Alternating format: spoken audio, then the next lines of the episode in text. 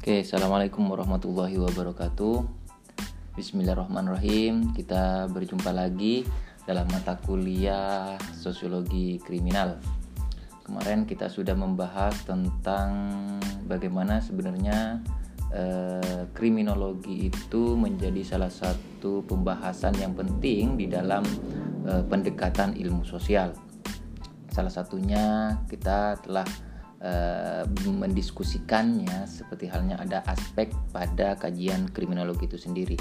Maka butuh yang namanya pendukung dari ilmu-ilmu sosial. Salah satunya sosiologi sebagai pendekatan untuk melihat realitas sosial yang yang terjadi di dalam masyarakat.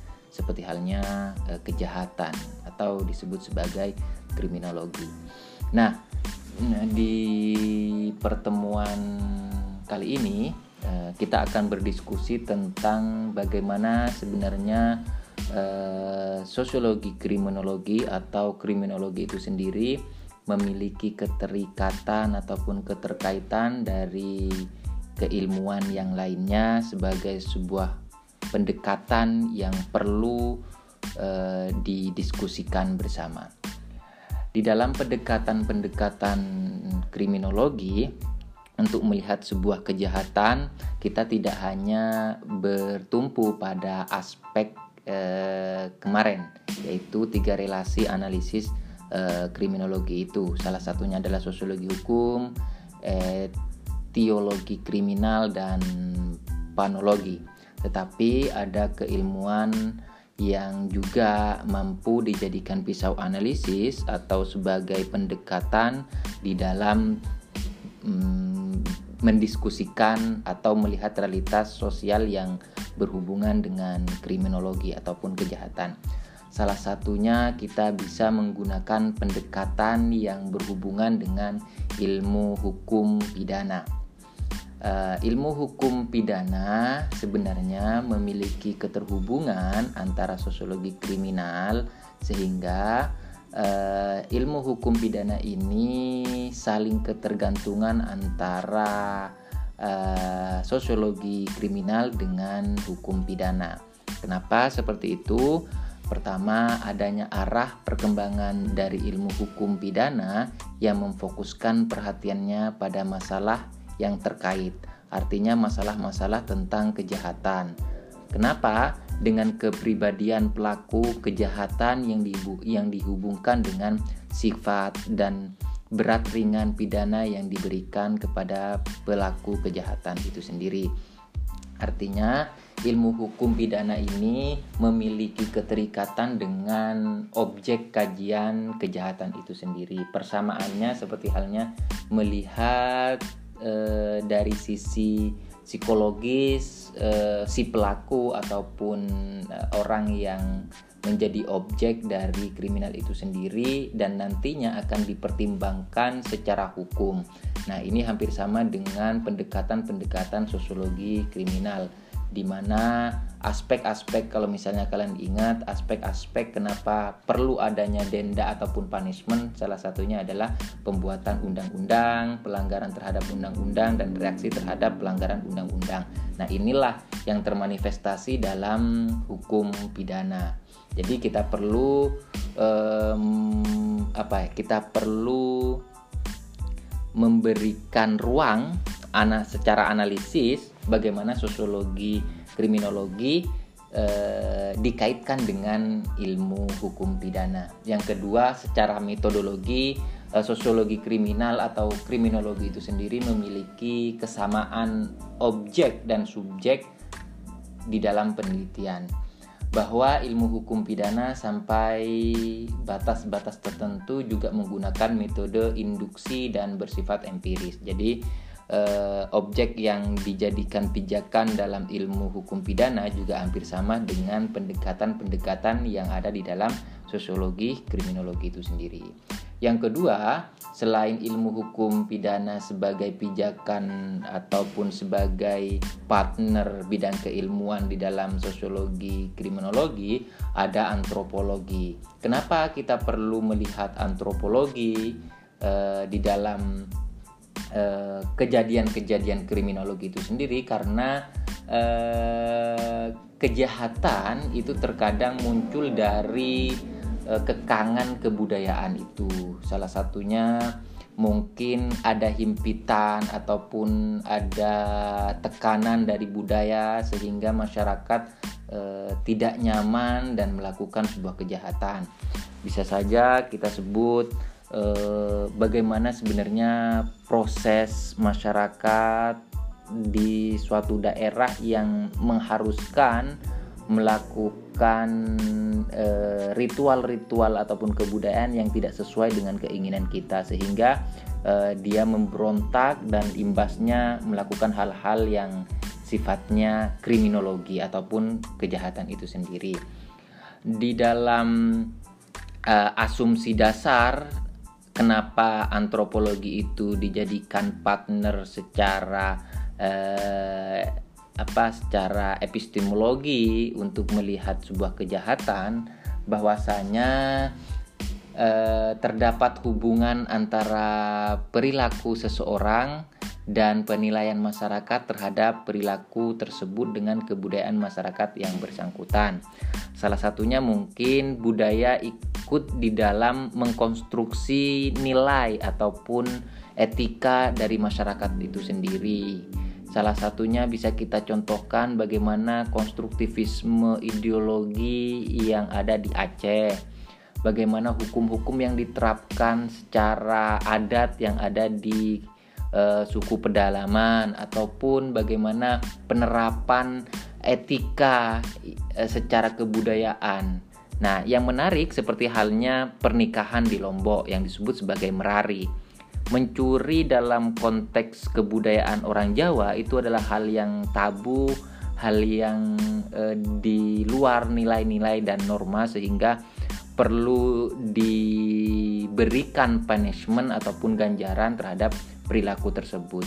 Tetapi dalam konteks kebudayaan barat e, Lombok, sorry, merari atau menikah dengan cara menculik itu adalah salah satu budaya yang perlu dilestarikan hingga saat ini.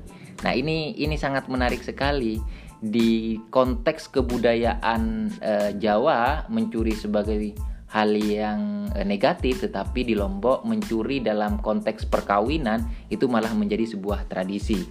Itu salah satu contohnya. Atau e, mm, memegang parang ataupun menyimpan parang saat kita keluar rumah bagi masyarakat Madura adalah hal yang wajib karena eh, takut ada hal-hal yang tidak diinginkan ketika di dalam perjalanan, tetapi ketika melihat konteks secara kebudayaan ataupun antropologis, eh, kita berada di daerah Tulungagung contohnya me, apa menyimpan parang ataupun eh, pisau ketika keluar rumah itu adalah menjadi hal yang tabu. Nah, perbedaan-perbedaan kebudayaan inilah yang sebenarnya yang perlu menjadi pendekatan secara utuh ketika kita melihat uh, konteks uh, secara uh, sosial mengenai kriminologi itu sendiri. Dan kenapa sebenarnya antropologi itu menjadi salah satu pendekatan juga? Karena di dalam antropologi itu kita melihat perilaku masyarakat yang terkadang perilaku itu eh, selalu beririsan dengan yang namanya kriminal, kejahatan-kejahatan. Karena kejahatan itu dilakukan oleh masyarakat yang terkadang kita tidak paham sebuah kebudayaan A dipraktekkan di dalam kebudayaan B.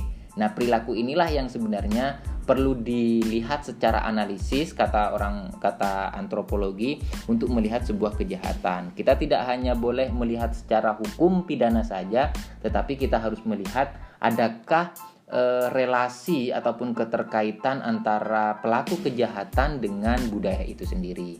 Dan yang terakhir adalah pemahaman. Nah, pemahaman ini lebih kepada pengetahuan atau knowledge dari masyarakat itu sendiri mengenai kejahatan itu sendiri. Bagaimana ketika kita di dalam perjalanan, terus kita ada begal dan kita uh, duel dan begalnya ternyata meninggal. Nah, ini kalau misalnya kita lihat dalam hukum pidana, kita akan menarik sebuah kesimpulan bahwasanya yang membunuh itu akan mendapat punishment ataupun akan mendapat eh, ganjaran pembunuhan ataupun pasal-pasal pembunuhan. Tetapi secara antropologi kita harus melihat pemahaman terhadap pembunuhan begal tersebut dengan upaya kita untuk melawan ataupun menjaga diri kita.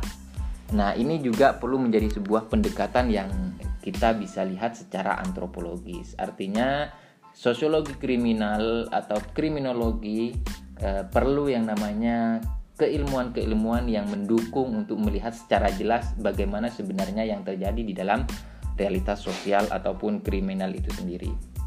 Yang ketiga adalah psikologi. Karena selain melihat secara hukum, karena kita adalah negara hukum, juga kita harus melihat secara konteks kebudayaan di mana kita berada ternyata eh, sosiologi komunikasi juga perlu dilihat dalam wujud yang lainnya seperti halnya pendekatan psikologi. Kenapa ini perlu? Karena untuk menyelidiki kejiwaan penjahat dan berguna untuk mengerti dan memahami hal-hal yang terkait dengan kepribadian penjahat ataupun uh, orang yang melakukan kejahatan. Karena kenapa? Karena kondisi kejiwaan, emosional dan sikap temperamen seseorang diyakini memiliki korelasi dengan tindakan agre, agre, agresifnya. Tidak terkontrol ataupun uh, tidak stabil sehingga melakukan hal-hal yang tidak diinginkan. Nah, pendekatan ini lebih kepada pendekatan secara e, mendalam terhadap e, subjek yang melakukan kriminal itu sendiri. Kalau misalnya ada pembunuhan dan yang melakukannya adalah e, orang e, gila, nah ini juga perlu menggunakan pendekatan-pendekatan psikologi. Makanya e, ketika membunuh dalam kondisi sadar ataupun tidak, ini juga masuk di dalam pendekatan yang namanya psikologi. Nah, di dalam psikologi itu sendiri uh, ada dua pendekatan sebenarnya untuk melihat apakah dia melakukannya secara sadar ataupun tidak, apakah dia termasuk orang yang sengaja ataupun tidak. Maka inilah yang perlu kita lakukan. Pertama adalah menggunakan psikoanalisis, yang kedua adalah psikopatologis. Apa sebenarnya psikoanalisis ini sendiri?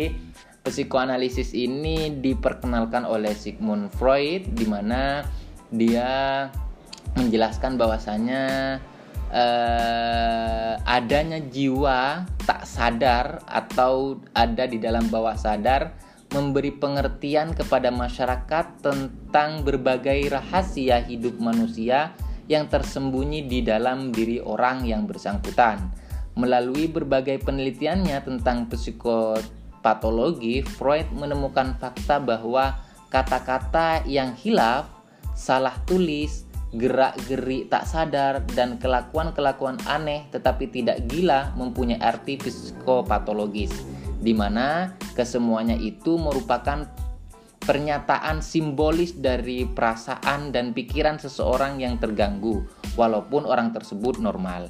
Nah, ini juga perlu menjadi sebuah pendekatan yang dilakukan oleh orang-orang uh, dalam melihat sebuah kejahatan. Jadi tidak bisa kita langsung ketika ada yang membunuh ataupun ada yang melakukan kesalahan kita menarik secara kesimpulan bahwasanya dia bersalah. Tapi perlu ada yang namanya analisis secara mendalam yang disebut sebagai uh, psikoanalisis itu sendiri. Maka di dalam psikoanalisis itu ada yang namanya psikopatologi. Salah satunya adalah kita harus melihat struktur kepribadian serta hubungannya dengan perilaku kejahatan. Apa yang terjadi, apa yang dilakukan oleh si pelaku tersebut ada keterkaitannya tidak? Nah, ini juga menjadi sebuah hal yang perlu diamati oleh seorang sosiologi kriminal karena kenapa?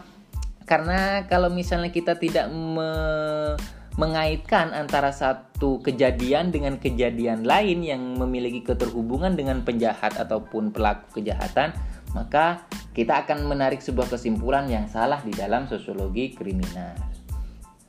Yang kedua adalah kondisi kejiwaan dan hubungannya dengan kejahatan. Nah, tentu eh, kondisi kejiwaan juga perlu dites ataupun perlu dianalisis secara mendalam apakah dia benar-benar melakukannya secara sadar ataupun tidak. Nah, yang ketiga adalah pengaruh interaksi sosial dan situasi kelompok sosial yang dapat menimbulkan kesulitan atau ketidakmampuan penyesuaian diri yang dapat mendorong individu yang bersangkutan melakukan perilaku jahat. Nah, ini ini yang yang menjadi menarik sebenarnya ketika kita melihat konteks yang ketiga ini. Kadang kita tidak mampu menyesuaikan diri terhadap kebudayaan di sekitar kita sehingga kita melakukan hal-hal yang yang eh, me, merugikan orang lain seperti itu.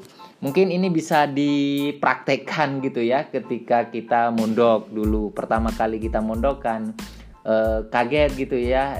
Dulu kita ada di masa ataupun di alam di mana kita uh, bebas untuk ke mana-mana. Tapi ketika baru mondok satu bulan atau dua bulan merasa kita uh, belum menyesuaikan diri terhadap lingkungan dan kebudayaan pondok itu sendiri. Sehingga ada hal-hal yang terkadang uh, tanpa kita sadari kita harus melakukan seperti halnya di awal.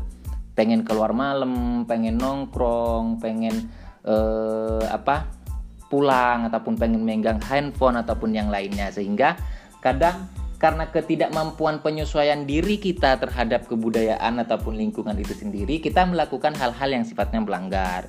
Contoh loncat pagar keluar malam pulang tanpa pamit. Nah ini sebenarnya yang yang perlu dilihat bukan kepada tindakan si santri Eh, bahwasanya dia bersalah. Tidak. Kenapa dia melakukan hal itu? Nah ketika dikaitkan dengan psikopatologi ini maka kita bisa menarik ke se sebuah kesimpulan.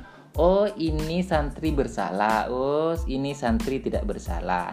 Nah tetapi terkadang kita tidak melakukan pembacaan sejauh itu ketika santri melanggar ya sudah dia harus mendapatkan punishment nah inilah yang sebenarnya yang menjadi eh, apa ya pertimbangan-pertimbangan untuk menentukan seseorang melakukan kejahatan ataupun tidak secara psikopatologi. Yang keempat adalah pengaruh interaksi sosial dan situasi kelompok sosial yang dapat mempengaruhi keyakinan individu tertentu untuk memilih. Nah, ini biasanya ada dorongan dari e, lingkungan kita sendiri karena kita bergaul dengan orang-orang yang kurang benar, maka kita ikut eh, terhadap hal-hal apa yang dikonstruksikan oleh lingkungannya. Ada di lingkungan pengedar sabu, maka kita eh, lamat-lamat ataupun step by step mm, ya menjadi seorang pengedar ataupun yang lainnya. Dan terakhir adalah eh, sosiologi. Nah, pendekatan kriminologi ini juga perlu menggunakan pendekatan secara sosiologis. Karena kenapa? Karena kriminal ataupun kejahatan itu adalah salah satu gejala sosial. Nah, yang mempelajari eh, kejahatan sebagai suatu gejala sosial eh, tidaklah mungkin mengabaikan kondisi kehidupan sosial di mana kejahatan itu muncul sebagai produk dari kondisi sosial tersebut. Jadi kalau menurut eh, sosiologi uh, kriminal itu muncul akibat diproduksi oleh uh, masyarakat ataupun kebudayaan masyarakat itu sendiri. Jadi artinya produksi kejahatan itu pada hakikatnya adalah ditimbulkan oleh kondisi kehidupan kita di sekitarnya. Jadi kalau misalnya kita berada di lingkungan yang mayoritas adalah eh, pengedar, maka Yo, secara sosiologis sebenarnya kita sudah dibentuk oleh ataupun kita dikonstruksi untuk menjadi seorang pengedar kayak gitu. Kalau misalnya kita hidup di lingkungan pesantren, yo secara tidak langsung kita dikonstruk untuk menjadi orang-orang yang eh, alim, orang-orang yang bisa memahami agama. Nah, inilah yang menariknya di dalam pendekatan sosiologis. Jadi eh, tidak langsung mengeklaim ataupun memberi si statement bahwasanya ini salah atau membeli labeling bahwasanya dia melakukan kesalahan tetapi tidak dia harus melihat apakah ada secara e, kondisi sosiologis atau kondisi sosial masyarakat ataupun si pelaku kejahatan itu melakukan tindakan kejahatan. Nah, itulah yang akan terjadi ketika kita menggunakan pendekatan e, secara sosiologis. Yang kedua, kejahatan itu juga perlu dilihat dalam bentuk interaksi sosial. Karena tidak mungkin orang melakukan kejahatan tanpa adanya interaksi sosial. Karena di dalam interaksi sosial nanti ada yang namanya proses sosial. Tidak langsung orang tiba-tiba menjadi jahat, tidak Awalnya adalah interaksi dulu, habis itu ada proses. Kenapa bisa seperti ini? Kenapa bisa seperti itu?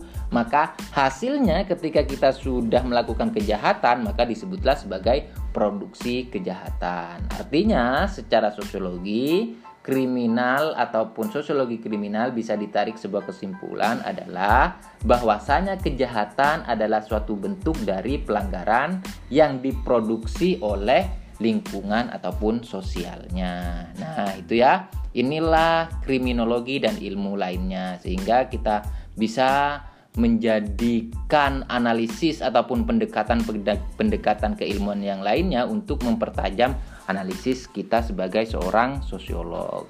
Mungkin itu saja dulu kita akhiri. Wabillahi taufiq wal hidayah. Wassalamualaikum warahmatullahi wabarakatuh.